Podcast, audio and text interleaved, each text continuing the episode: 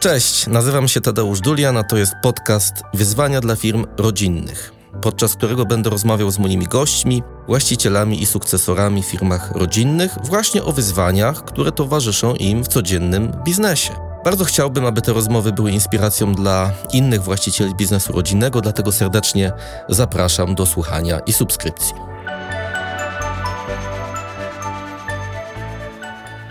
Szanowni Państwo, witam w kolejnym odcinku e, podcastu Wyzwania dla firm rodzinnych. Znowu nasze studio jest wyjazdowe, nie w Warszawie, tylko gościnnie. Dzisiaj goszczę w miejscu, które jest mi szczególnie bliskie, bo już kilka razy tutaj byłem. Goszczę u człowieka, który w zasadzie pomógł nam rozpocząć naszą całą podróż i przygodę z firmami rodzinnymi, z którym y, dobre, dobre wiele lat temu chyba w 2014 czy 2015 roku zaczęliśmy cykl konferencji Wyzwania dla Firm Rodzinnych, y, którego ostatnia odsłona właśnie była w miesiącu lutym roku 2020. Potem z wiadomych przyczyn długa przerwa. No ale w międzyczasie y, zamiast konferencji Wyzwania dla Firm Rodzinnych wróciliśmy z podcastem Wyzwania dla Firm Rodzinnych i trochę się dziwię, że dopiero teraz nagrywam ten podcast z tym człowiekiem, teraz chyba dobry moment, żeby go przedstawić. Goszczę dzisiaj u Artura Czepczyńskiego, właściciela, założyciela e, firmy ABC Czepczyński, ale też wielu, wielu innych rozmaitych biznesów. Cześć Arturze. Cześć Tadeusz. Jak to się stało, że dopiero teraz robię podcast z tobą? Myślę, że pandemia spowodowała, że nie było możliwości wcześniej to upatruję tutaj główny problem. Przede wszystkim chcieliśmy izolować się pod kątem e, szczepień i wszystkich rzeczy i dlatego tak późno dbaliśmy o zdrowie naszego syna, którego bardzo dobrze znasz tak. i znasz naszą historię. Tak. Cieszę się, że to jest wyjazdowe, bo atmosferę mamy przede wszystkim e, wiejską i taka nam będzie towarzyszyć. Mamy atmosferę bardzo domową, bo nagrywamy ten podcast w Twoim biurze nad garażem. Ile czasu w ogóle w tygodniu spędzasz w firmie, a ile czasu tutaj? W firmie nie byłem od dwóch lat. Jak tylko wybuchła pandemia, to byliśmy już tylko w domu i wszystko robiłem online'owo. Nie wrócę do firmy, przynajmniej na razie nie planuję takiego powrotu. Wszystko załatwiam e, zdalnie. W tym biurze, w którym jesteśmy, przebywam e, też bardzo rzadko.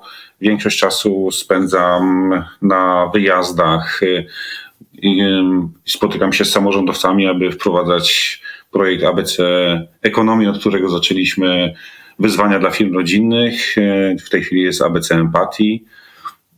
Jeśli mówimy o zarządzaniu czasem pracy, to jest on u mnie bardzo elastyczny, ale mam menadżera, który w 2015 roku zwolnił mnie z obowiązku świadczenia pracy w firmie ABC Szczepczyński. No właśnie, jak, jak, jak trochę się zastanawiam nad tym, jak, jaką ty dzisiaj rolę pełnisz, bo widzę to w takich kilku aspektach. Po pierwsze, ty chyba przestałeś być takim typowym założycielem zarządzającym. Mówi się, że ta firma rodzinna w pierwszym swoim stadium to jest y, firma zarządzana przez właściciela, owner manage, który tak naprawdę no, zajmuje się wszystkim w tej firmie. Absolutnie wszystkim, decyduje absolutnie o wszystkim. Ty jesteś jeszcze przed sukcesją, pewnie o sukcesji dwa słowa też dzisiaj powiemy sobie, ale już przeszedłeś w to stadium, y, czy, czy zmieniłeś swoją rolę właściciela z takiego zarządzającego bardziej do wizjonera, stratega, kogoś, kto ma tak dobrze poustawianą firmę, ma tak dobrze poukładany też no, skład osobowy tej firmy i zdelegowaną odpowiedzialność, że tak naprawdę właśnie nie musisz tej firmie być na co dzień, nie musisz się nią zajmować cały czas. Możesz robić to, co lubisz. Zanim przejdziemy do tego, co lubisz i czemu teraz poświęcasz swój czas i co jest dla ciebie ważne, to chciałem zapytać, jak to się stało i co, y, co pozwoliło ci właśnie uzyskać tą zdolność zarządzania y, firmą przez ludzi, którzy mają szeroki zakres odpowiedzialności, uprawnień, zaangażowania, Także tak naprawdę ta firma funkcjonuje. No, ostatnio rozmawialiśmy, dzwoniłem do ciebie, mówiłeś, wiesz co, odzwonię za pół godziny, bo wchodzę do oceanu. No i nad tym oceanem na Wyspach Kanaryjskich byłeś tam dobre parę miesięcy. No a firma dalej funkcjonuje. Bardzo często też opowiadam tą anegdotę.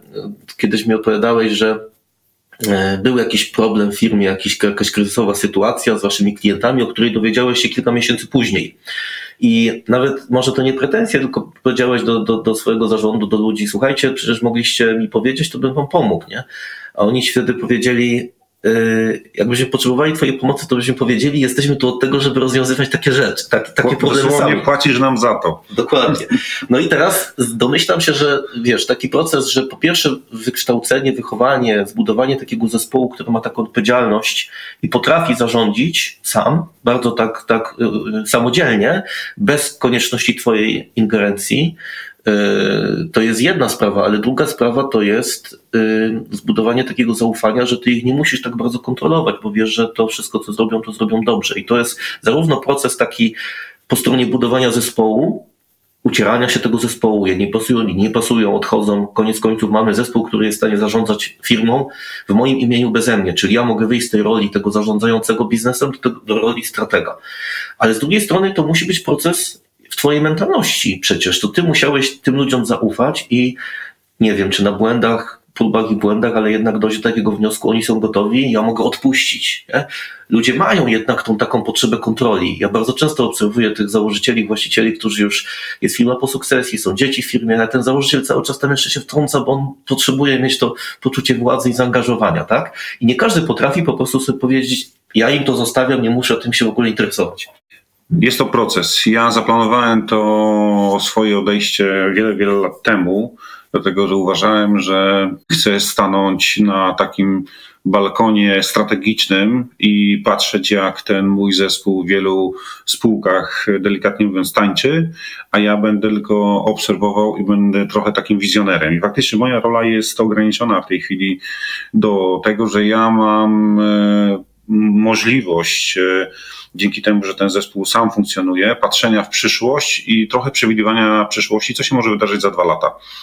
Podejmowania pewnych kroków i decyzji we firmie, które spowodują, że my będziemy firmą inną niż cała pozostała konkurencja. I faktycznie jest tak do dzisiaj, że my jesteśmy zdecydowanie inną firmą na rynku, unikatową, i jedyną w swoim rodzaju, nie, nie chwaląc się. Trzeba powiedzieć sobie uczciwie, że jesteśmy jedyną firmą z Polski, która została przez największą, czy jedną z największych korporacji w branży FMCG wybrana do sześciu procesów takich od cyfryzacji, automatyzacji po CSR. I w tym całej preselekcji jesteśmy jedyną firmą z branży logistycznej, która została zakwalifikowana i im pomagamy w tym procesie. To pokazuje naszą odmienność i w związku z tym, że to było zaplanowane, nie obyło się oczywiście bez błędów. Miałem pewien fal start z jedną z osób, z drugą już mi się to udało. Proces obserwując rozmowy i innych właścicieli, którzy te próby też robili, to oni przede wszystkim próbowali zarządzać jakby z tylnej ławki, a ja miałem tą okazję, że miałem jednego z coachów, który mi podpowiedział, idź razem z nim. Podaj mu rękę i przez pierwszy okres zarządzajcie razem. Przedyskutowujcie wiele wspólnych tematów. I faktycznie tak było, że my przez pierwsze pół roku dyskutowaliśmy praktycznie każdą decyzję, siedzieliśmy razem, przebywaliśmy razem, objechaliśmy jakby cało, całe nasze zespoły te zespoły się przyzwyczaiły do sytuacji i teraz te zespoły, które były budowane przeze mnie, przeszły taką drogę odtrącenia dorosłego dziecka i usamodzielnienia się od właściciela, a zespoły, które powstały już później, kompletnie nie uważają mnie za szefa, tylko uważają mnie za wizjonera. Mhm. Szefem jest jakby to Sławek, który mhm. to wszystko ciągnie. Mhm. No, czyli osiągnąłeś taką bardzo komfortową sytuację, że no właśnie, pewne rzeczy, które tak samo dobrze albo lepiej niż ty mogą robić inni, zostawiasz im, ale sobie zostawiasz co? Jaki sobie zostawiasz taki obszar, który dla ciebie dzisiaj jest ważny, któremu poświęcasz czas? No to jest fajne, to masz komfort wyboru tak naprawdę. Czy firma nie jest dla ciebie obciążeniem na zasadzie, o kurczę, muszę pilnować, bo nie dadzą rady, tak? Bo muszę pilnować, żeby ta łajba się nie wróciła, tylko masz ten komfort zajmowania się rzeczami, które dają ci przyjemność chyba, prawda? Tak, w tej chwili jest tak, że proces technologiczny tak naprawdę został wymyślony koncepcyjnie, w którą stronę firma pobiegnie parę lat temu przeze mnie. Oczywiście jest zespół, który to prowadzi. Niektóre rzeczy przedyskutowujemy co do strategii, ale co do tylko takiej globalnej strategii, jakby już y, oddolne rzeczy, które oni realizują w obszarze automatyzacji, cyfryzacji, to są rzeczy, które jak mnie tak y, zaproszono na ich taki wewnętrzny warsztat i chłopaki w dobrej wierze e, po dwóch dniach pracy warsztatowej nad koncepcją mieli w takiej dużej sali konferencyjnej narysowane na blatach mapy, procesy, inne rzeczy i mnie przeprowadzali. Po pierwszym takim załamaniu e, narożniku to powiedziałem, wiecie co, ja już się zgubiłem, mówię, o której jest kolacja i wyszliśmy z tej sali i oni tacy zawiedzeni mieli pełno kartek, podpowiedzi, żeby mi całą koncepcję powiedział. Mówię, słuchajcie, ja już się zgubiłem, bo to są za bardzo techniczne rzeczy. Mhm. Mówię, to idzie, koncepcja jest zgodna z tym, którą ja e, wam nakreśliłem, co od was oczekuję, ale wyszliście już w takie szczegóły, że poszliśmy na kolację i porozmawialiśmy już o życiu. Mhm. A jeszcze chciałem zapytać o to podejmowanie decyzji, bo też um, dla mnie fascynujące jest to i często się z tym się spotykam w firmach rodzinnych, że są dwa zarządy. Jeden zarząd to jest ten formalny, który też można w KRS-ie zobaczyć, czyli formalnie kto rzeczywiście jest wpisany um, jako prezes czy jako członek zarządu, ale funkcjonuje taki zarząd praktyczny, czasami to się nazywa mały zarząd albo szeroki zarząd, czyli taka grupa decyzyjna. Yy, I u ciebie to, jak dobrze pamiętam, zawsze było tak, że, że ten zarząd taki szerszy rzeczywiście był bardzo szeroki, dziewięcioosobowy czy dziesięcioosobowy i tak naprawdę były tam dwie osoby z rodziny, cała reszta to byli pracownicy którzy od wielu lat już z Tobą pracują, tacy dyrektorzy, kierownicy, czyli ten średni szczebel zarządzający, no i wspólnie podejmowaliście decyzje. To, co mnie, znaczy to jest oczywiście proces bardzo fajny, bo on pokazuje pracownikom, że nie jesteś tutaj od wykonywania zadań, bo to nie jest wojsko, tylko od wspólnego brania odpowiedzialności za, za firmę. I ty też tę odpowiedzialność powinieneś brać. I ty też powinieneś brać, podejmować decyzje razem z nami. Jeżeli te decyzje są dobre, to wszyscy razem świętujemy sukces, jak złe, no to nie ma jednego winnego porażki, tylko też wspólnie musimy się zmierzyć z tą porażką. Więc to takie uwspólnienie i sukcesu i porażki jest pewnie bardzo, bardzo motywujące, ale przy tym podejmowaniu decyzji, to ty przecież znowu musisz się wycofać i yy, no, dopuścić sytuację, że na przykład zostaniesz przez nich przegłosowany, tak? Albo że będziesz jedyny z jakimś tam punktem widzenia, no ale jesteś właścicielem firmy, więc mógłbyś tak naprawdę wstać i wywrócić ten stół do góry nogami. Ile razy się zdarzało, czy w ogóle się tak zdarzało, że odstąp, odstępowałeś od swojego pomysłu czy zdania, dlatego że widziałeś, że wszyscy inni mają jakąś inną koncepcję i chcą w jakimś innym kierunku iść i dostosowałeś się do większości, czyli, czyli uznawałeś, że ta mądrość większości tutaj jest ważniejsza niż mój, mój punkt widzenia. Myślę, że za każdym razem e, następował proces e, takiej decyzji, że mm, chciałem, żeby każdy się wypowiedział na dany temat, nie sugerując jakby drogę, tylko rzucając pomysł, albo ktoś z zespołu rzucał pomysł i przedyskutowali. I jakby widząc, ile jest bardziej zdań za lub przeciw, Nigdy nie byłem przeciwwagą, żeby y, korzystać z tej władzy właściciela, żeby wygrać jakby ze wszystkimi. Przypadki były dwa, które e, faktycznie w ten czas jakby skorzystałem jakby z tego prawa właściciela, ale jeden to był taki, gdzie po prostu zaczęli robić transporty, które były dla nas po prostu niebezpieczne. Mhm. Z chęci zarobienia większej marży, większego zysku zaczęto ryzykować bardzo mocno fundamentami firmy. Mhm. E, nieświadomie albo świadomie transporty były tak dużej wartości. Ja zawsze miałem strategię, żeby jeździć z towarami, które nie są drogie, robić bezpiecznie biznes e, i w ten czas e, ten pomysł mm, zahamowałem, powiedziałem, słuchajcie, tak nie będziemy robić. Mówię, ja nie chcę zarobić tych pieniędzy, to mhm. nie jest ten kierunek, i zamykamy temat. Tak? No. To ciekawe, co mówisz, bo znowu tutaj pojawia się taka naturalna sprzeczność. Ci menedżerowie, oni są nastawieni na rozwój firmy w sensie zyskowności, pieniędzy, takiego rozwoju właśnie też ekspansji pewnej i tych okazji nie wypuszczą z ręki, prawda?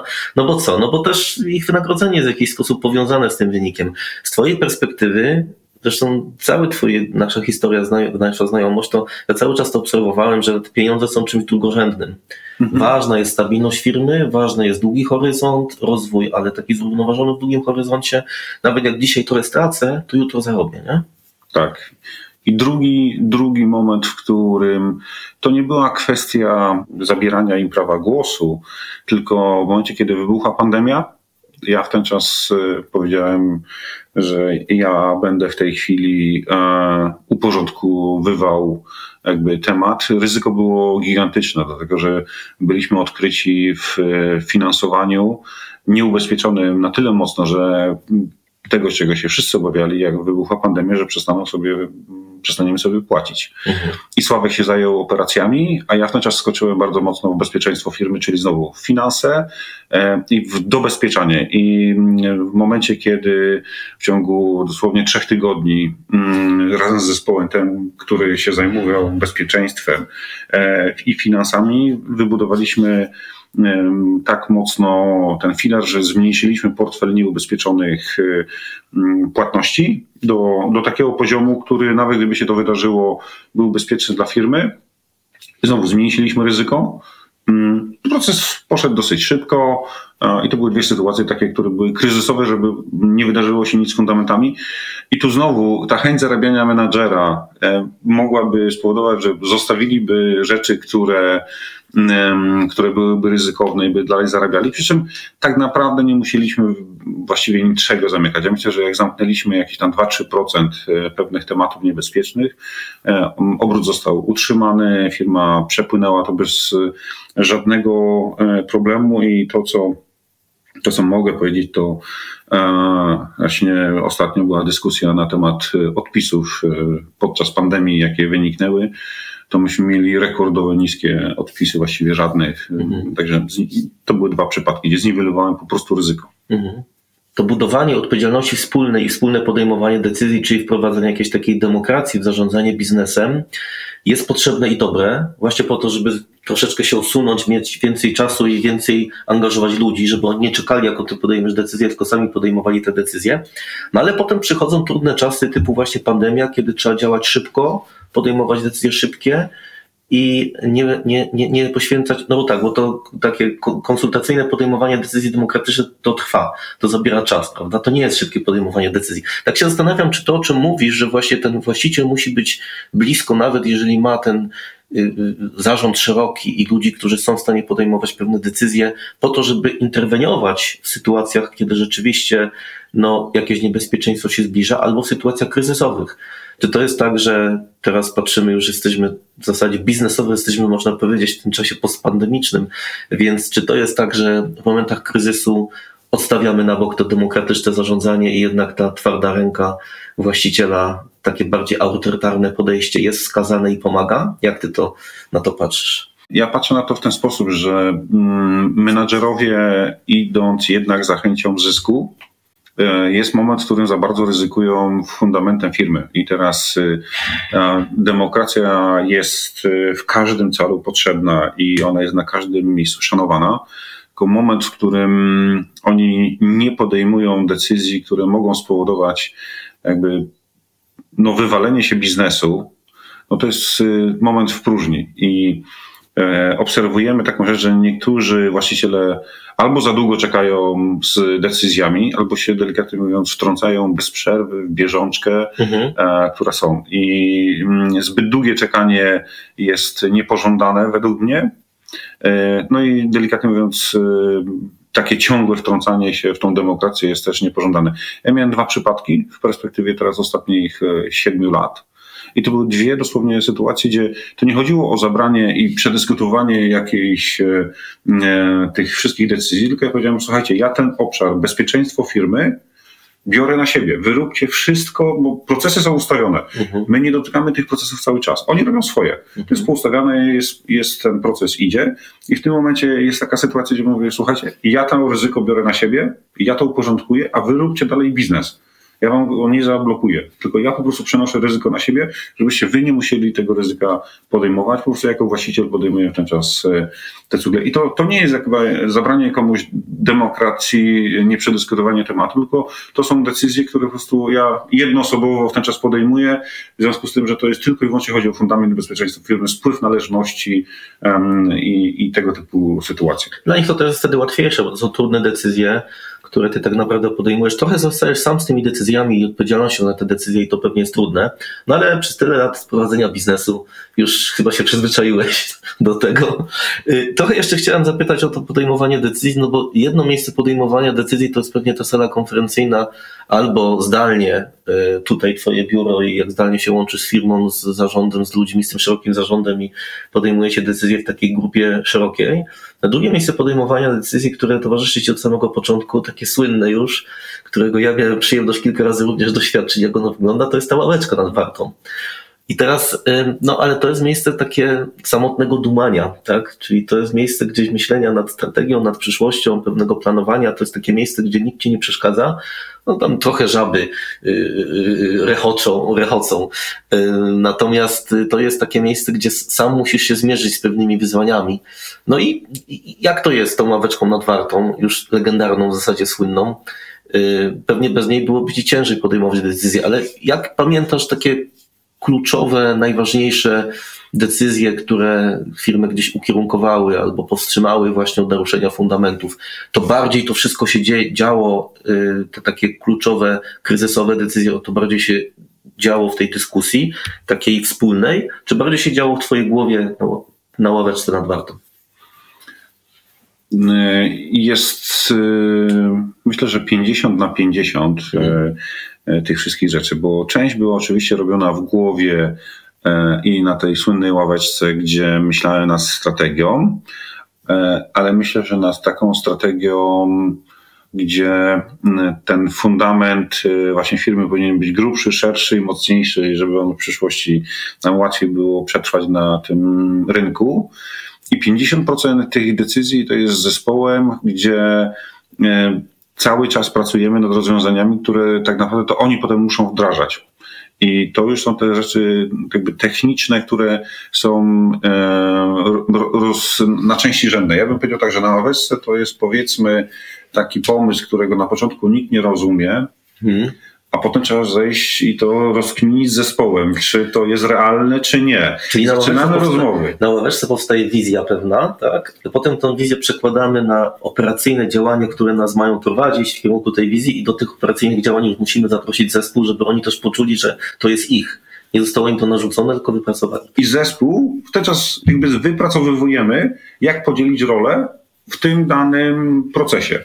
E, I naturalnie się ucierają e, te, te, te zespoły i każdy bierze w ten czas e, tą rzecz na, na, na siebie. Myślę, że to jest tak, że jeżeli patrzymy na to, że firma musi mieć pewną perspektywę długodystansową, to jest niekiedy bardzo trudno tym osobom zaangażowanym bardzo jakby w te sprawy mm, bieżące, tak y, najzwyczajniej w świecie złapać dystans. Mhm. Ja ten dystans mam bardzo duży, ponieważ nie jestem w tym kotle z nimi w środku. Mhm. I ja mam więcej czasu na to, żeby te rzeczy popatrzeć pod kątem strategicznym i ich niekiedy rzucić pewną myśl i, i z nimi to zostawić. Najczęściej to już tak naprawdę jest tak, że ja nie uczestniczę z nimi w, tymi, w, tym, w tych pomysłach, w tych szerokich y, zarządach, tylko oni po prostu przychodzą do mnie, słuchaj, my widzimy to tak, Mhm. tak, tak i tak. I powiedz, czy to pasuje. Nie? Mhm. Ja mówię, okej, skoro wy tak chcecie sobie to podzielić, to mi to pasuje, bo ja mówię, okej. Albo jeśli coś, to sobie zastanówcie się nad tym jednym elementem, czy może jeszcze raz nie powinniście zrobić jakąś burzę mózgów, że może coś tu trzeba jakby zmienić.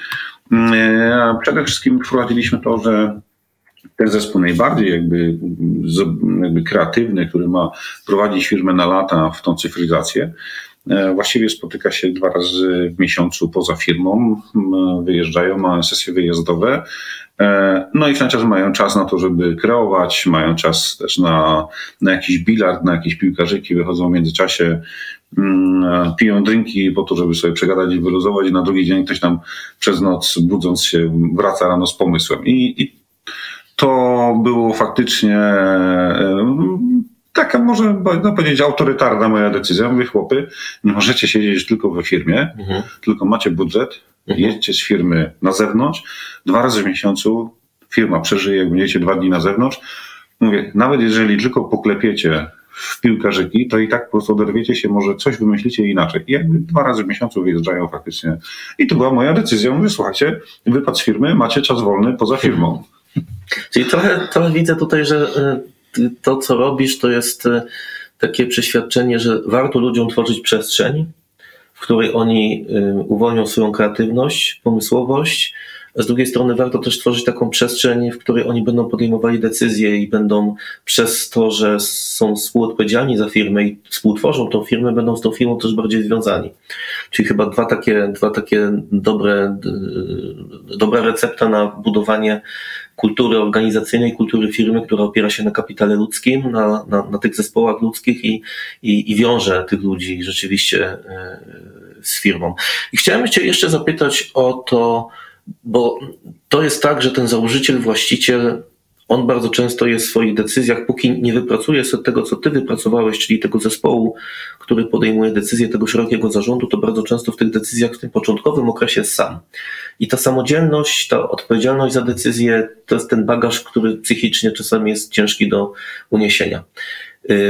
W tym początkowym okresie, jak jeszcze tego zespołu nie było, to powiedz mi, jak ty sobie z tą odpowiedzialnością za firmę i z jakimiś stresującymi sytuacjami radziłeś? Czy, czy, czy co, co, co dla ciebie było takim jakimś e, oparciem? Czy to, że no, firma rodzinna, Justyna pracuje cały czas, od samego początku zawsze pracowała, Teraz akurat jest taki czas, co wczoraj przy ognisku mówiliśmy, że dzieci też są z wami, ale za chwilę, za chwilę gdzieś tam będą w swoim kierunku płynęli. Chociaż wczoraj Wiktor mi powiedział, że pracuje w IT tutaj, tak. IT.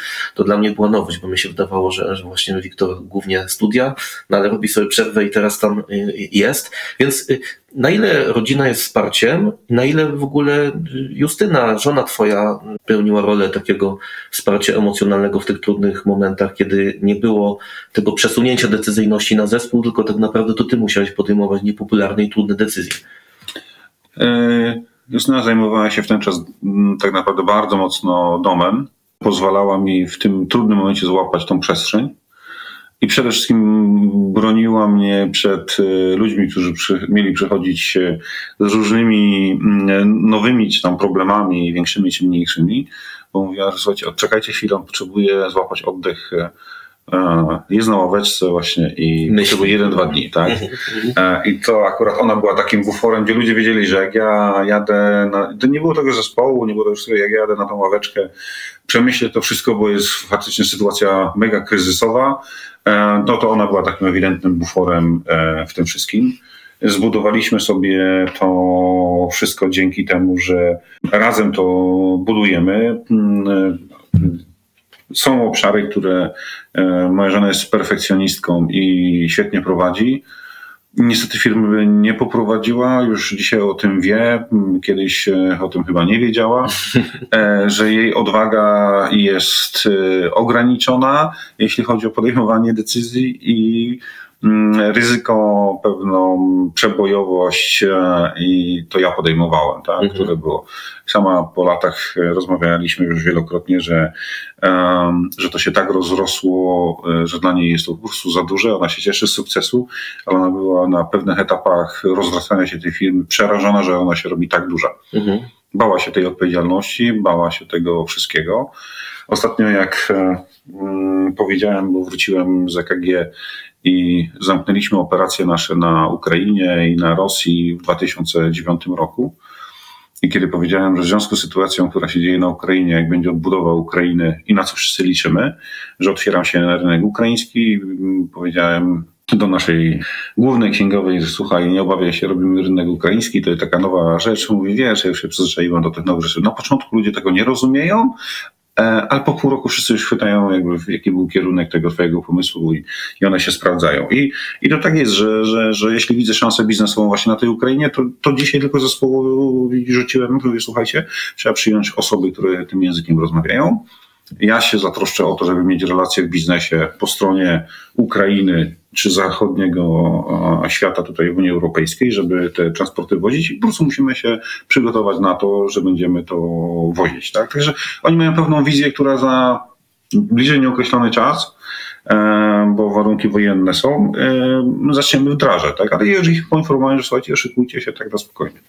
To w naturalny sposób doszliśmy do tematu, który chyba spędza ci, na, na którym nie chcę powiedzieć, że spędza ci sens, sens spowiek, bo tym tematem czy tym kryzysem ukraińskim z waszej perspektywy tutaj lokalnej fajnie zarządziliście. Wczoraj długo o tym rozmawialiśmy przy ognisku i to jest chyba to, czym teraz żyjecie od kilku tygodni czy od ponad miesiąca. To znaczy y, ten ośrodek Wezaj, w którym kilka razy już przebywałem, ośrodek wypoczynkowy nad Puszczą Notecką, nad Wartą, w pięknym miejscu. Y, dzisiaj jeszcze sezon się nie zaczął, ale on tętni życiem. Y, I chyba się nie spodziewałeś, że miałbyś kiedykolwiek tylu turystów z Ukrainy właśnie na Wezaju. Tak, tak, nie spodziewałem się, że będziemy mieli tylu turystów z Ukrainy i my nazywamy ich właśnie też nasi goście z Ukrainy. E, sytuacja wymknęła się spod kontroli chyba na całym świecie, można powiedzieć, najbliżej nas tutaj na Ukrainie. Dopóki robi się przelew i się pomaga w Krakowie, w Przemyślu, w Warszawie, to człowiek tego nie czuje. I to jest fajne, że ktoś robi przelew. E, ale w momencie, kiedy tak naprawdę nie musieliśmy wracać, ale wróciliśmy tutaj do Polski, ci ludzie jak się dowiedzieli, że myśmy wrócili z Hiszpanii specjalnie właściwie po to, żeby im pomóc tutaj w tej wojnie, to są mocno e, zdziwieni, że, że my się na to pokusiliśmy, ale tak naprawdę decyzja o uruchomieniu e, ośrodka była po stronie Justyny, która powiedziała, mamy wszystko gotowe, żeby przyjmować dzieci, e, które mają spać e, w salach po 300 czy 400 osób, to żeby spały w, w takim fajnym miejscu. No i stwierdziliśmy, że okej, okay, oddajemy cały ośrodek do dyspozycji naszych gości z Ukrainy i w maksymalnym momencie mieliśmy 75 osób, 47 e, dzieci. Nie ograniczyliśmy to tylko do, do tej pomocy tutaj na naszym ośrodku, bo wiedzieliśmy, że w ościennych miejscach też są osoby, które przebywają z Ukrainy, a problem właścicieli tych innych ośrodków e, jest taki, że oni z tego żyją. I dla nich było to ogromne ryzyko, które spowodowane było tym, co zrobimy dalej z tymi ludźmi. I ja ich przekonywałem, że rozwiązanie znajdziemy, e, żeby te ośrodki uwolnić. Przede wszystkim pomagaliśmy im w znalezieniu na początku rzeczy e, najpilniejszych e, spraw, e, od szczoteczki do zębów po, po, po, po klapki, bo można sobie wyobrazić, że były osoby, które przyjechały z jakąś jedną czy drugą walizką, ale były też osoby, które przyszły dosłownie z bananem i z wodą i nie miały nic. Mhm. Dzisiaj to są osoby, które już się dużo mocniej uśmiechają, dużo więcej rzeczy dostały. Ja zacząłem angażować się, aby zdobywać też tutaj na okolice mm, przede wszystkim to, co zaczęło brakować, jedzenie i dzieliliśmy się tym jedzeniem z sąsiadami, którzy no, są w słabszej kondycji finansowej. Nie stać ich na to, żeby aż tyle zapewnić jedzenia i, i, i kupić, bo ta pomoc no, nie, nie była wystarczająca, tak? bo sami wiemy, jakie kwoty były przeznaczone na, te, na, te, na, na tą pomoc. I w związku z tym, żeby ich jeszcze odciążyć, to, to załatwialiśmy tutaj jedzenie między innymi dla, no, no można powiedzieć, że może nie, że dla całego powiatu, ale zaopatrywaliśmy punkt, w którym ewidentnie przychodzili głodni ludzie. I E, I oprócz tego, że mm, dostarczaliśmy tam e, właściwie codziennie e, ileś tam bochenków chleba, ileś mąki, cukier makarony, ryże, no to przed, mm, przed Wielkanocą mój syn Wiktor się strasznie zaangażował. Mama już wyleciała nam do, na Grand Canarie, dostał budżet i miał zorganizować wigilię dla naszych gości tutaj na ośrodku i, do, i w koło. No i jak zorganizował to fenomenalnie, bo tak wszystkim się wydaje, że ile można jeść faktycznie makaron i kaszę. Jasne, to jest super. Myśmy kupili e, kinder niespodzianki dla dzieci. Jak się, się Wiktor zapytał, co by najbardziej chcieli i powiedzieli kole, no to to są takie elementy, mhm. które dzieci, dzieciom tego bardzo brakowało przez te 7 prawie tygodni już ponad, które tutaj siedzą. I moment, w którym e, dzieci zaczęły biegać po ośrodku za zającem, porobiły gniazda, to były ewidentnie momenty, w którym no, jeszcze bardziej zadbaliśmy o to, żeby oni się po prostu poczuli tutaj komfortowo. E, robiliśmy tak e, też z sąsiadami, przekazaliśmy kwoty mm, tych, tych, tych rzeczy, które kupowaliśmy. I jasne, że bardzo dużo udało nam się zorganizować rzeczy z zewnątrz. E, Dostaliśmy e, największą pomoc jakby z zewnątrz jest z firmy Deloitte, która firma Deloitte wpłaciła 40 tysięcy złotych na, na, na, na ten cel i to jest największy datek, jaki dostaliśmy, ale to nie jest jedyny od tych osób, dostawaliśmy też prywatnie e, od pracowników Deloitte'a. Także z tego miejsca chciałem podziękować wszystkim pracownikom. Tak, e, uśmiechamy Deloitte'a. się i kiwamy, machamy do Adasia Wacławczyka. Tak, do Adasia Wacławczyka i do, A nie tylko, bo myśmy tam... do wszystkich, do Haliny, do, Tak. do Tomka Koniga. Tak, tak. Myśmy, myśmy robili tą akcję z, y, z taką zbiórką na Dzień Kobiet od dziewczyn. To, to dosyć fajne też było. No tak, no rzeczywiście jakieś to, te, te tematy trzeba wspierać, bo tych potrzeb jest przecież cały czas bardzo dużo, bo jak wczoraj rozmawialiśmy, mówiliście, że część tych dziewczyn z Ukrainy jakąś pracę tutaj znajduje, no ale też y, to nie jest duże miasto, to jest jednak trochę daleko. Tutaj do, do Międzychodu jest 15 minut samochodem, do, do w drugą stronę 10. Sierakowa też.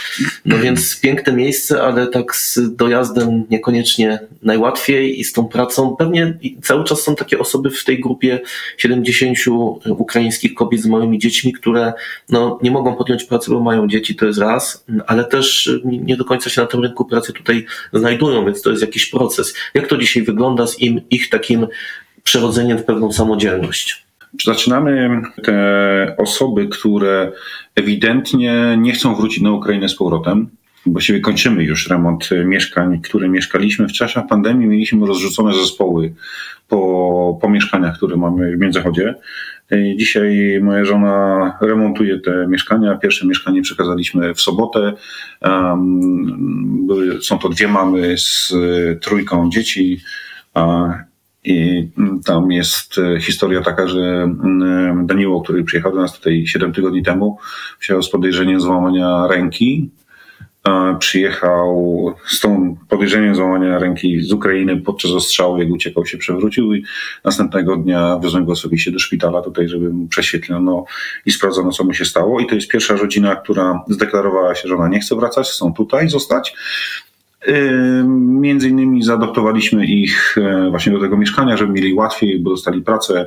E, Jedną z tych osób właśnie też ja przyjąłem, tą jedną z tych mam, e, jedna pracuje Do ciebie w do firmy, restauracji. tak? Tak, do mnie do ABC.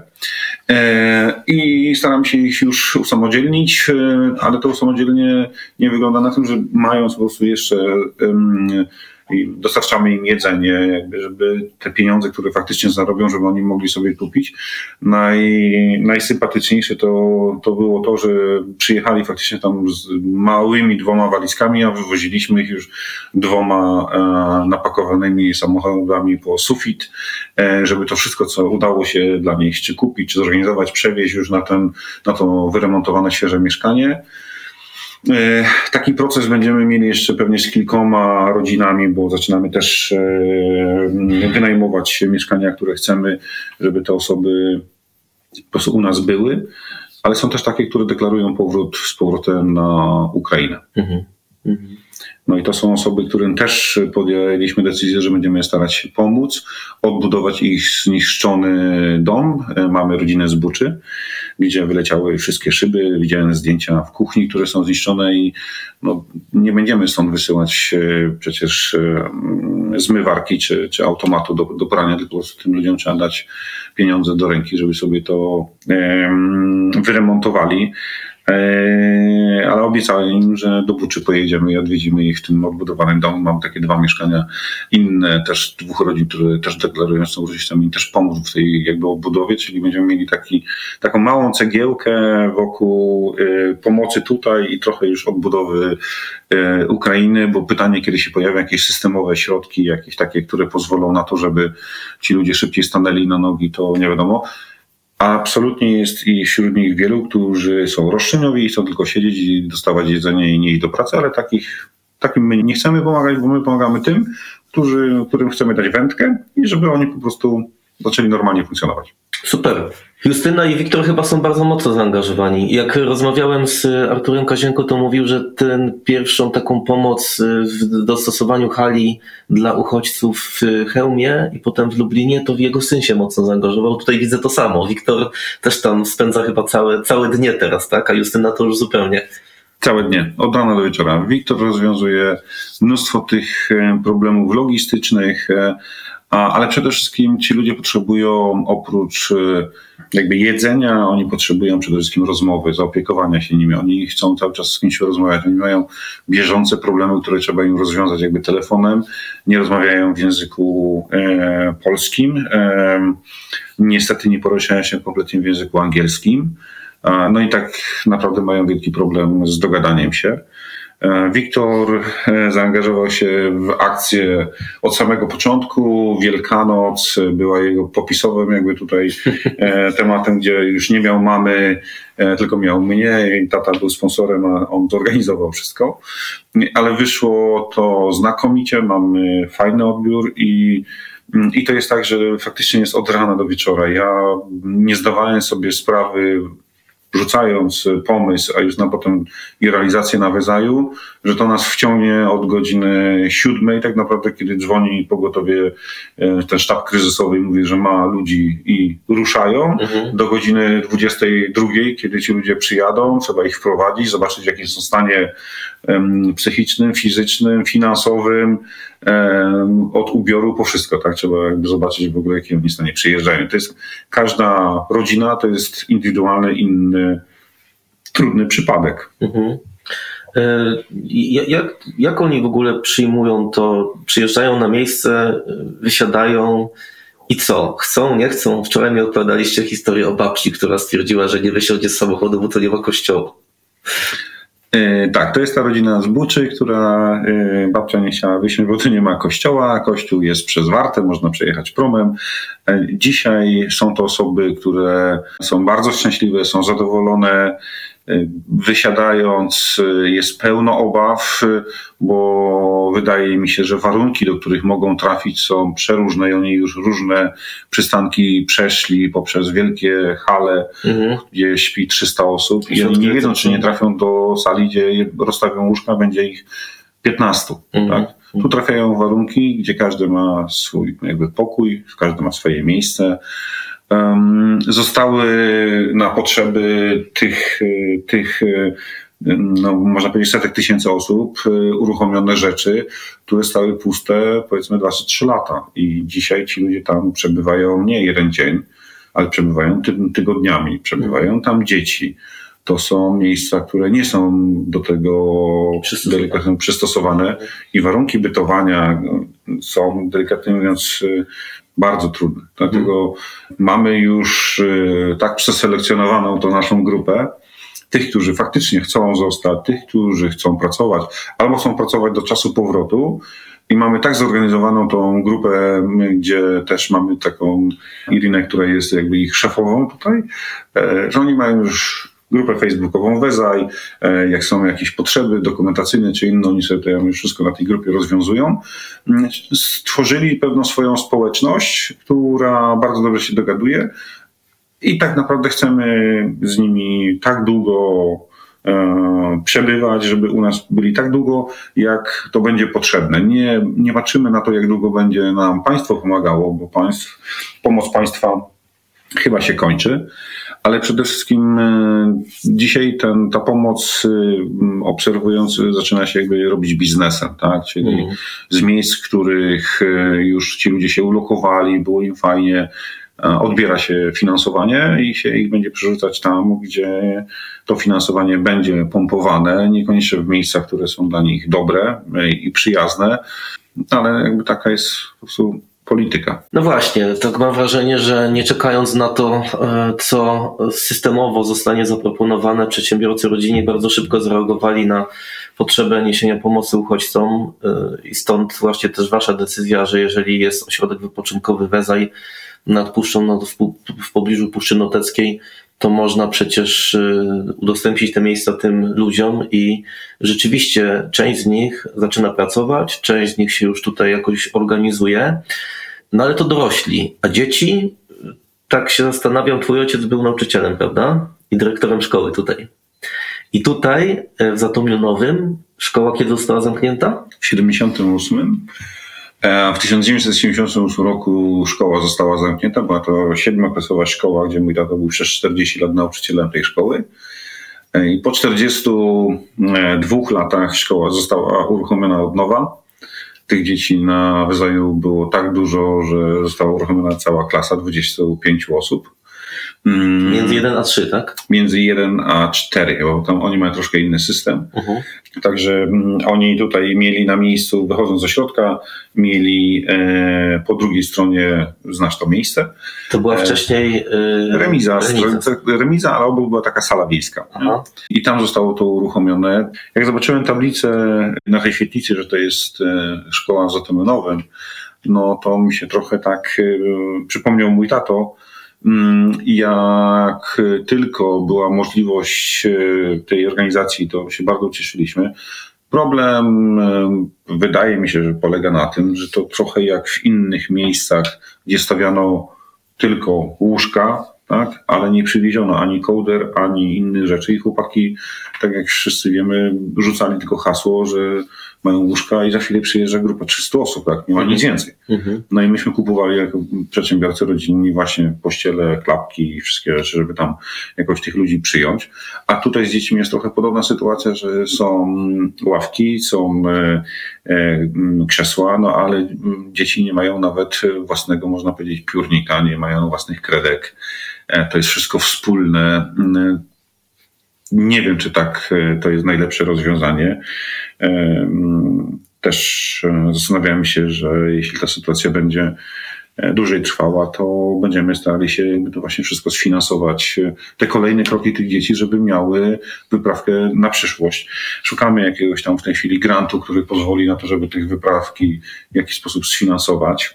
Bo to jest końcówka roku szkolnego, ale jeśli nam się nie uda, no to te dzieci, które z nami zostaną, e, no te sfinansujemy po prostu my, żeby 1 września te dzieci poszły e, już, być może tych rodziców już będzie stać, żeby to wszystko kupić, tak? Mhm. Jakby to zależnie jest, e, pomoc uważam, że nie powinna być tak robiona dla wszystkich trochę równo, e, no bo jeśli ci, którzy poszli do pracy i stać ich na to, żeby już e, mogli kupić, a mamy mamę, która ma malutkie dziecko i starsze, i to starsze pójdzie do szkoły, ona nie może iść, bo nie ma możliwości pójścia do, do, do pracy, no to, to ktoś no, musi sfinansować jakby temu dziecku takie czesne właśnie na zasadzie, żeby był, mogło pójść do szkoły z własnym plecakiem, z własnym piórnikiem, z własną temperówką. Mhm. Co dzisiaj jest potrzebne najbardziej? Odzież, żywność, środki czystości, właśnie takie artykuły szkolne. E, Myślę, że mm, przede wszystkim żywność to jest najważniejszy element i najtrudniejszy do zdobycia e, albo do sfinansowania gdzieś z zewnątrz. Drugim elementem to środki czystości. I trzeci, który jest coraz bardziej, to jest brak materiału do nauki w języku ukraińskim. Mhm.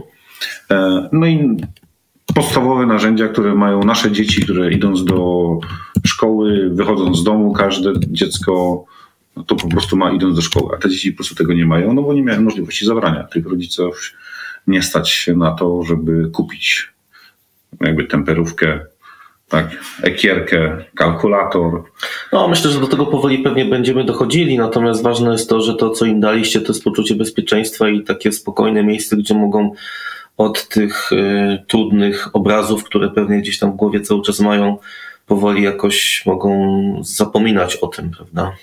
tak, Mówiłeś o tym, że Wiktor się mocno zaangażował w organizację, taki trochę test bojowy, tak? Pierwsza taka akcja, czy pierwsza jakaś e, inicjatywa logistyczna. Pracuję w, w, u ciebie w firmie IT, czyli no, pierwsze dziecko przyszło do pracy. E, I tak się zastanawiam, e, czy to jest dobry moment, dobra chwila, żeby chwilę o sukcesji porozmawiać, bo no, znamy się dosyć długo. Mm, Wydawało mi się, że ta sukcesja dla ciebie to nie jest coś takiego, co miałeś, że, że nie masz poczucia, że to jest jakiś temat taki problematyczny, a to jest największe wyzwanie generalnie dla większości firm rodzinnych. Y, Jak ty się na to dzisiaj zapatrujesz? Czy to, czy to co zbudowałeś, czyli oddzieliłeś zarządzanie od własności, Czyli masz ten zespół decyzyjny, ta firma by funkcjonowała, gdybyś ty miał ochotę na trzy miesiące wyjechać na przykład, pewnie bez problemu. Nawet jak, jak są jakieś kryzysy, to oni potem mówią, no nie musieliśmy cię angażować, bo sami takie rzeczy rozwiązujemy, za to nam płacisz, żeby rozwiązywać takie, takie rzeczy. Czy w głowie masz trochę bardziej taki model, że twoje dzieci będą zaangażowane pasywnie, to znaczy będą miały swoje jakieś własne kariery, własny pomysł na życie i, i, pewnie kiedyś będą być może współwłaścicielami firmy? Czy gdzieś tam masz taką nadzieję, że chciałbyś, żeby te dzieci jednak przejęły też zarządzanie firmą, to znaczy weszły w ten obszar taki y, firmowy y, od samego dołu, pracując w rozmaitych działach, dochodząc do pewnych takich menedżerskich pozycji. Czy raczej zostawiasz to może nie tyle losowi, co ich, ich decyzji, co będą chciały robić, tak? Na zasadzie, że mają otwarte wszystkie możliwości. Jak w ogóle sobie wyobrażasz twoje dzieci w tej firmie? Znaczy, przede wszystkim moje dzieci mają pełną otwartość do, do tego, co chcą robić w swoim życiu, żeby były szczęśliwe i żeby robiły to, co kochają, to, co, to, co chcą robić. My mm, coraz y, częściej do nas dociera, że nasze dzieci e, nie do końca czują taki gen przedsiębiorczości, Mhm. że chcą tak pracować. I myślę, że dzisiaj to jest tak, że to pokolenie już głośno mówi, że my, a może my nie chcemy tak pracować jak, jak wy. E, mamy takie rozmowy mm, powoli. E, Wiktor pracuje.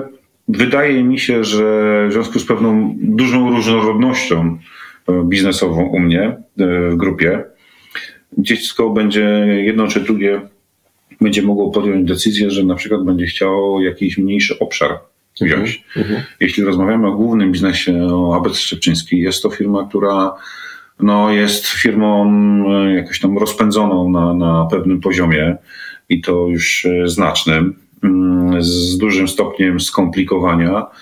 I tak naprawdę ja patrzę po swoich osobach, które pracują we firmie, jako takim zapleczu do tego, że jeśli e, moja sukcesja jest udana w takim rozumieniu menedżersko, tylko Sławek jest ode mnie o 10 lat starszy i o tym już rozmawiamy. I na pewno będziemy chcieli budować, już właściwie budujemy pewien, pewne kompetencje u osób, żeby mm, ktoś w przyszłości mógł wejść do tego jakby takiego zarządzającego, formalnego zarządu i ten temat pociągnąć. I to będą menadżerowie na pewno wewnątrz firmy. Czyli ja widzę na pewno w perspektywie kolejnych paru lat taką sukcesję menadżerską, ale wewnątrz firmy, Mhm. bo absolutnie nie potrzebujemy z zewnątrz nikogo ściągać. Mamy taką plejadę fajnych ludzi, którzy to Gwiazd. pociągną. Gwiazd. Którzy to pociągną. A Wiktor, w związku z tym, że ma 23 lata, to myślę, że ma na pewno jakiś czas przed sobą, żeby zdobywać doświadczenia, żeby popatrzeć na to wszystko, czy sobie i generalnie sobie odpowiedzieć, czy dam, dam radę, tak? Jakby, bo, bo to wpakowanie osoby, która nie jest do tego przygotowana osobowościowo, to będzie tylko ze szkodą dla niej i dla firmy. Musi sobie odpowiedzieć na to, czy chce pracować tylko u nas. Myśmy cały czas rozmawiali, żeby pracował gdzieś poza biznesem i zdobył doświadczenie poza biznesem. Nie udało się to zrealizować. Taki mieliśmy plan, bo powstał temat e, związany z automatyzacją i właśnie z naszym e, tematem e, z, i umową z NCBR-em. W związku z tym, że studiuję, no, stwierdziliśmy, po co ma iść zdobywać doświadczenia na zewnątrz, jak tutaj może tak naprawdę współtworzyć coś, co po prostu może być elementem, od którego zaczniemy e, jakby zarządzanie małym projektem, zarządzanie jednym stanowiskiem drugim i jakąś budowanie pewnej kariery. Będziemy to sobie spokojnie obserwować. Zosia ma 12 lat, Eryk ma 20, pisze maturę przy pewnej różnorodności, wiedząc co oni kochają, widzę tutaj jakby sposobność, żeby przejęli e, te mniejsze niektóre jakby nasze obszary biznesowe, ale jak tak naprawdę do końca e, interesując się przede wszystkim główną maszyną ABC Rzepczyńskim, my widzimy, że to będzie sukcesja na pewno w perspektywie e, kolejnych paru lat, taka to będzie sukcesja wewnętrzna we firmie. A dzieci e, dorastając, no jakieś decyzje na pewno trzeba będzie podejmować. Ja na pewno nie chciałbym, żeby dzieci czekały do wieku 40 lat e, i na, na jakieś zarządzanie czy karierę, ale jeśli przyjdą z pomysłem, jak chcą otworzyć swój jakby własny biznes, e, to z chęcią im pomogę, żeby im, żeby odpalili. E, Znamy na pewno wiele przypadków, gdzie rodzice tak zrobili, dzieci zbankrutowały, a potem wróciły do firmy. No, tak, tak bywa rzeczywiście, ale to ciekawe, że o tym mówisz, bo pamiętam jak kiedyś u ciebie byłem w biurze, pokazywałeś mi ten sześcianik taki, na każdej ściance sześcianu był inny logotyp twojego biznesu i przedstawiłeś mi te biznesy w ten sposób, pokazując na te różne ścianki. Na tym zarabiam, do tego dokładam, na tym zarabiam, do tego dokładam, na tym zarabiam, do tego dokładam. Czyli ta dywersyfikacja i wchodzenie w rozmaite nowe biznesy jest dla ciebie czymś zupełnie naturalnym. Chyba było tam po drodze jakieś kilka wpadek, które no, zbudowały też Twoje doświadczenie. Nie na wszystkim się rzeczywiście, nie wszystko się udaje, więc jakieś tam nietrafione inwestycje zawsze się zdarzają. No i to jest w sumie fajne, że rzeczywiście możemy tą dywersyfikację kontynuować przez to, że dajemy temu kolejnemu pokoleniu możliwość zrobienia czegoś własnego w oparciu o zasoby finansowe, które wygenerowaliśmy na, na tej naszej dużej działalności. Ale co jakiś czas dokładasz jakiś nowy klocek do tej układanki y, ABC. Najpierw to było ABC Czepczyński, ten, ten, taka podstawa, na której budowałeś. Tam jeszcze przy okazji Simply Way, czyli też biznes spedycyjny, tylko osobna firma. No, ośrodek wypoczynkowy Wezaj, czyli zupełnie inna branża, który na siebie zarabia, prawda? Natomiast, natomiast to nieporównywalnie są zupełnie inne poziomy. Co tam jeszcze masz, y, żebym teraz nie skłamał, żeby to precyzyjnie opisać? Sonrizo, Sonrizo, właśnie, czyli takie luksusowe biuro podróży. e, do którego dokładam notabene. Mhm. E, Jesteś jego głównym klientem. Tak, ja jestem głównym klientem. Taka agencja, multiagencja Karelius, która się bardzo ładnie rozwija, Ubezpieczeniowa. ubezpieczeniowa. Mhm. No i MUFU, gdzie razem z Marcinem jesteśmy współwłaścicielami i to jest jedyne, jedyne takie miejsce, gdzie jestem 50 na 50 e, w takim układzie z Marcinem. Mufo to jest agencja reklamowa, tak? Tak, Mhm. która obsługuje między innymi Orlen, PZU, e, wiele takich dużych brandów. I to się bardzo dobrze też e, rozwija.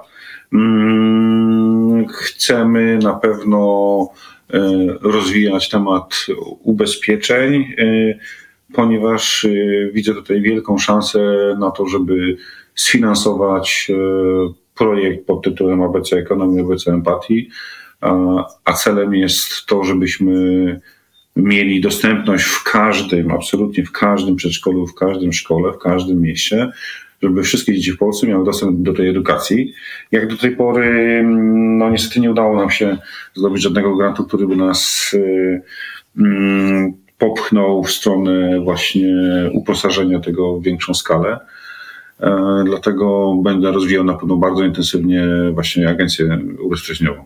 To ciekawy koncept, bo to jest agencja ubezpieczeniowa, której cel jest, oczywiście to ma na siebie zarabiać, natomiast to, co mówisz, że zyski z tej agencji chcesz przeznaczać na mm, finansowanie rozwoju fundacji. Aha, no bo siódmy, siódmy byt jeszcze, czyli fundacja e, Czepczyński Family Foundation. Czyli te zyski z działalności ubezpieczeniowej miałyby finansować tak naprawdę rozwój edukacji, prawda? Tak, tak. Ja od e, wielu lat, e, patrząc na to, przeliczając około 25% jakby zysków ze wszystkich spółek, można powiedzieć, przeznaczam, aczkolwiek 99% jakby mm, finansuje ABC, to, Mhm. to wszystko. E, I postanowiłem, że tak naprawdę rozwój e, właśnie multiagencji, która też będzie przekazywać 25% jakby swoich zysków na ten cel, e, lokalnie w miejscach, w których pozyskamy klienta, tak? Czyli jeśli to będzie klient e, z Gniezna e, i starczy nam dzięki temu, że na nim zarobimy 10 tysięcy złotych, to będziemy mogli jeden pakiet 2,5 tysiąca złotych przeznaczyć na szkołę, gdzie ten dany właściciel będzie mógł przekazać po prostu i to będzie jakby ten wkład e, nasz wspólny, że my odstępujemy z tej marży tą, tą, tą kwotę, która pozwoli na to sfinansować. Mam e, przeświadczenie, że w kilku miejscach jesteśmy już e, na tyle dobrze mm, do, dogadani, że parę, perspektywie paru kolejnych miesięcy, parę takich miast i parę takich sytuacji e, nastąpi i będziemy to pokazywać bardzo mocno, bo myślę, że gdyby każda firma przeznaczała 25% swojego e, wyrobionego zysku na, na działania społeczne czy prospołeczne, to na pewno tych pieniędzy byłoby mnóstwo, a nie zawsze tak jest, bo biznes generalnie gada tylko o zarobieniu kolejnego miliona, a nie jak przeprowadzeniu pewnej zmiany społecznej. No, biznes rodzinny i prywatny ma tutaj inne podejście, chyba że znamy tylko wybranych tych najlepszych właścicieli firm rodzinnych, którzy rzeczywiście są bardzo wrażliwi na, na te cele społeczne i ostatnie miesiące też bardzo mocno pokazały, że szczególnie ta sytuacja y, kryzysu uchodźczego y, spowodowała bardzo pozytywny odruch y, serca, który się przełożył na konkretne działania, które pomogły uchodźcom się w Polsce odnaleźć i to właśnie biznes rodzinny w dużej mierze jest jest za ten pozytywny zryw odpowiedzialny. Powiedz jeszcze trochę o fundacji CFF, tak, czy Czeski Family Foundation. Cel jest edukacyjny, y, wspieranie edukacji wśród młodzieży, wśród dzieci. Trochę to znamy od podszewki, bo tam te początki wspólne przy okazji naszej konferencji wyzwania dla firm rodzinnych, zawsze ten temat ABC ekonomii się pojawiał. Y, jak to dzisiaj wygląda od strony y, właśnie no, dotarcia z książkami ABC Ekonomii, ABC Empatii do, do szkół, do przedszkoli? Co jeszcze robi fundacja? Jakie są plany? Znaczy w tej chwili największym naszym sukcesem z przedwczoraj jest to, że miasto Kraków, z którego pochodzisz, y, weszło w obrach programy i wszystkie szkoły będą w Krakowie uposażone w ABC Ekonomii, w ABC Empatii. Jest to jeden z największych sukcesów w ostatnich e, dniach, ale takich sukcesów jest więcej, bo miasto Bydgoszcz weszło też w 100%. Cały czas szukam e, momentu, w którym e, moglibyśmy to robić wspólnie z biznesem i to jest ta koncepcja właśnie z ubezpieczeniami i z Carrediusem, żeby 25% właśnie przeznaczać. Wydaje mi się, że w tej chwili jesteśmy na poziomie 5% polskich szkół i przedszkoli. Tak? Mhm. Około 1500 szkół i przedszkoli mamy już wyposażonych z 33 tysięcy, także droga jest daleka, rozpędzamy się. Myślę, że w przeciągu kolejnego roku to będzie 10% polskiej edukacji. I już dzisiaj mogę powiedzieć, że jestem pewien, że to będzie największy program e, edukacji finansowej i empatii, który został zrobiony z rodzinnego biznesu i pokonaliśmy takich gigantów jak e, Związek Banków Polskich, czy banki, czy ubezpieczyciele, mhm. którzy mają zdecydowanie mm, zdecydowanie lepszą ebitę. Bo każdy, właśnie dużo instytucji ma takie programy edukacyjne, y, czy też programy skierowane na wspieranie edukacji dzieci i młodzieży, natomiast nigdzie nie spotkaliśmy się z takim rozmachem. Z takim zeskalowaniem. E, tak, e, to prawda. Mamy też te kilka wersji językowych. E, prowadzimy już pilotaż we Włoszech, w Niemczech, w Hiszpanii. Rozmawiamy z Portugalczykami, e, rozmawiamy z Anglikami. Mm, w Szwecji jest pilotaż też robiony, także mamy już kilka krajów, które e, mamy pilotaż. Rozmawiamy z litewskimi przewoźnikami, że może łączą się właśnie w, litewski, w litewską wersję, ale naj, najnowszym naszym projektem jest przetłumaczenie obu tych gotowych projektów na wersję ukraińską. E, wzięło się to też między innymi stąd, że jak byłem w Dębicy na jednej z konferencji z Markiem Plurą, gdzie razem teraz jeździmy i byliśmy w hotelu, który przyjął właśnie bardzo dużo tych dzieci. Te dzieci biegały po tym korytarzu. E, jak zobaczyłem, że, mm, że one tak biegają, e, i oczywiście dostały jedzenie, ale widziałem to jedzenie, to podszedłem do pani, powiedziałem, że położyła desery, położyła Pepsi, że to nie było trzefa kuchni, a ja za to zapłacę. I te desery tak znikały i po prostu mm -hmm. tylko donosili, te dzieci sobie mogły wynosić. I wtedy jakby dotknąłem po raz pierwszy tego problemu wojny, bardzo blisko w tej dębicy. I tu była kwestia, jak powstało ABC Ekonomii w ciągu minuty. I tutaj była też minutowa decyzja. Mówię, Marek, przetłumaczamy to na ukraiński. Musimy coś dla tych dzieci mieć, bo one tutaj z nami zostaną. Dzisiaj ten projekt jakby już jest zaawansowany, bo mamy już y, tłumaczenie właściwie gotowe, tylko musi być jeszcze na drugą rękę sprawdzone. Za chwilę będzie dodruk książek, mm, ale chcielibyśmy też zrobić coś dobrego na Ukrainie, żeby te projekty też na Ukrainę przenieść. E, I to są powiedzmy, że bieżące projekty, które robimy. Ja e, zacząłem rozmawiać e, z różnymi znajomymi, którzy y, mają dostęp do pomysłów na dobrą edukację i szukam w tej chwili y, rzeczy, które mogłyby wspierać edukację w ogóle dzieci. Chciałbym, żeby Czepczyński Family Foundation nie tylko była kojarzona z ABC Ekonomią, ABC Empatii, ale w ogóle z narzędziami czy z rzeczami, które służą dobrej edukacji w wielu obszarach. Y, to jest taki długodystansowy cel. Najpierw po pierwsze muszę to sfinansować, żeby, mm, żeby sfinansować ten ABC Ekonomii, ABC Empatii w całej Polsce i nie zabieram się za nic innego z prostej przyczyny, że mamy zasadę we firmie mniej zaczynaj, więcej kończ. Mhm.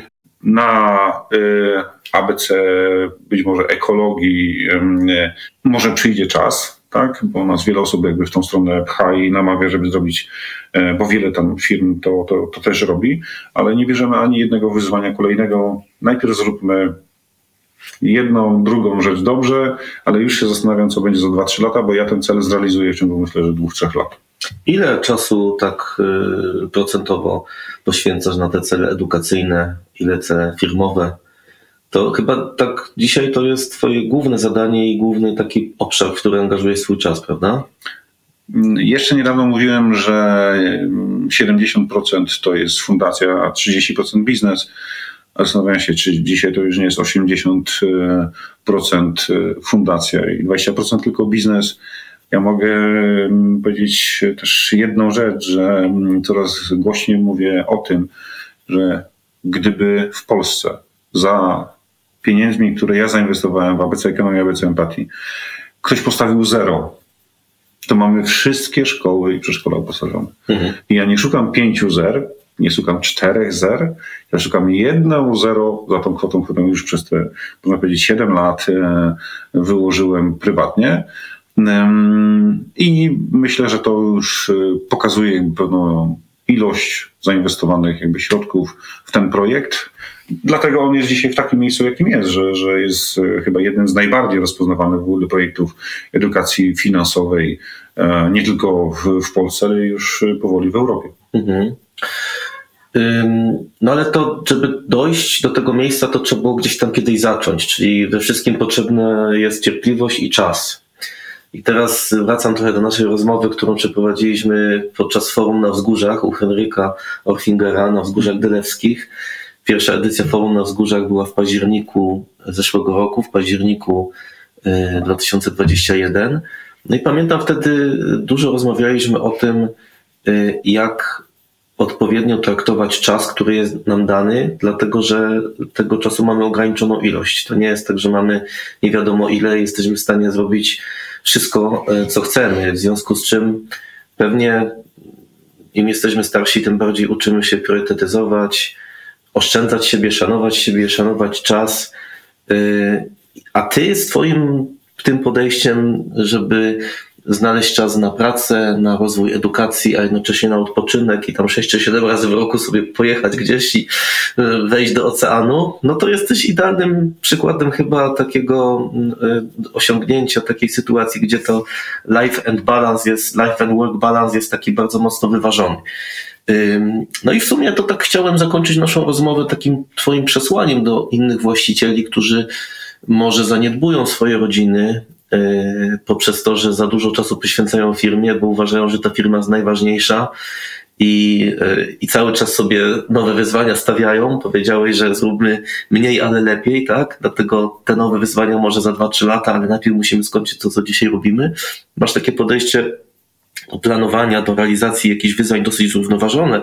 Oczywiście daje ci to komfort, y, na pewno pozwala ci na to ten komfort finansowy, który masz ze względu na to, jak dzisiaj wygląda twoja firma, ale, ale mógłbyś tak naprawdę, gdybyś nie miał takiego podejścia do, do szanowania siebie, ludzi, do takiej uważności, poświęcania czasu innym ludziom, to Pamiętasz też, też z naszej rozmowy z Tobą właśnie, że któryś z Twoich znajomych właścicieli biznesu powiedział kiedyś, że już czwartego dyrektora finansowego zwolnił, a Ty powiedziałeś, Ty przestań ich zwalniać, tylko zacznij z nimi rozmawiać. Yy, czyli, czyli jak to jest z Twojej perspektywy z tym czasem, który poświęcamy na pracę, na rodzinę yy, i też dbanie o siebie i swój taki spokój i, i, i, i, no i zdrowie przede wszystkim? Trzeba mieć jakieś motto w życiu. Moje motto to zawsze było w pewnej kolejności, jak wszyscy wiedzą, że to jest rodzina, pasja i biznes. Jak jest e, rodzina e, i mamy czas na pasję, to nam i biznes wyjdzie. Tak? Bo on jest przypadkiem, on jest jakąś tam wypadkową tego naszego e, szczęścia, którego mamy w domu. Niestety szczęście finansowe nie idzie ze szczęściem rodzinnym w bardzo wielu przypadkach. Ja miałem okazję ostatnio wystąpić przed studentami właśnie na EKG. I mm, ja im powiedziałem, że e, najważniejsza rzecz to jest poczucie bycia szczęśliwym. Opowiedziałem historię, jak zaczynałem, jak, jak wszystko wyszło y, mi na początku, czy nie wychodziło. I powiedziałem jedno ważne przesłanie, z którego Jacek Piechota, który był ze mną y, na tym panelu, się tak fajnie uśmiechnął i potem powiedział, kurczę, słusznie. Bo powiedziałem do tych młodych ludzi, powiedziałem tak, jeżeli macie stówę w kieszeni i jesteście szczęśliwi, to jest ok. Jak będziecie mieli milion w kieszeni, to nie znaczy, że będziecie szczęśliwi, będziecie bogaci. I oni się tak bardzo wszyscy uśmiechnęli na tej sali, bo oni w większości byli z tą stówą w kieszeni. I mam nadzieję, że, że do nich to dotrze, że ten milion to wcale nie znaczy, że będą szczęśliwi. Jeśli przy stówie się nie cieszysz, to milion cię nie uzdrowi. I jak widzę, jak ludzie pędzą i zarabiają kolejny milion, żeby pomnożyć o kolejny milion, czy o kolejne 10 milionów, zapominając o pewnych wartościach, to mi jest po w świecie szkoda, bo ten kolejny milion już nie spowoduje, że on będzie szczęśliwszy albo nie będzie, będzie bardziej uśmiechnięty, tylko będzie bogatszy. No ale wydaje mi się, że przez takie działania jak właśnie uchodźcy, goście z Ukrainy na Wezaju, to dbasz jednak o to, żeby to szczęście, y, być zadowolonym z tego, co robisz i być szczęśliwym. To co? No to chyba na koniec roz rozmowy życzmy sobie i wszystkim naszym słuchaczom tej stówy w kieszeni, niekoniecznie więcej. Niech ona, Niekoniecznie niech, więcej. niech ona wystarczy. Dokładnie tak. Stuwa w kieszeni i banan na twarzy. Dokładnie tak. Super. Dzięki serdeczne Arturze. Dzięki.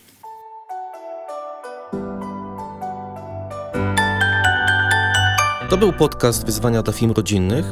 Już niedługo kolejny ciekawy gość, a w oczekiwaniu na następny odcinek napisz do mnie, podziel się wrażeniami lub zaproponuj temat lub gościa podcastu. Znajdź mnie na LinkedIn albo napisz na adres tedulian.deloitte.com. Do usłyszenia. Tadeusz Dulian.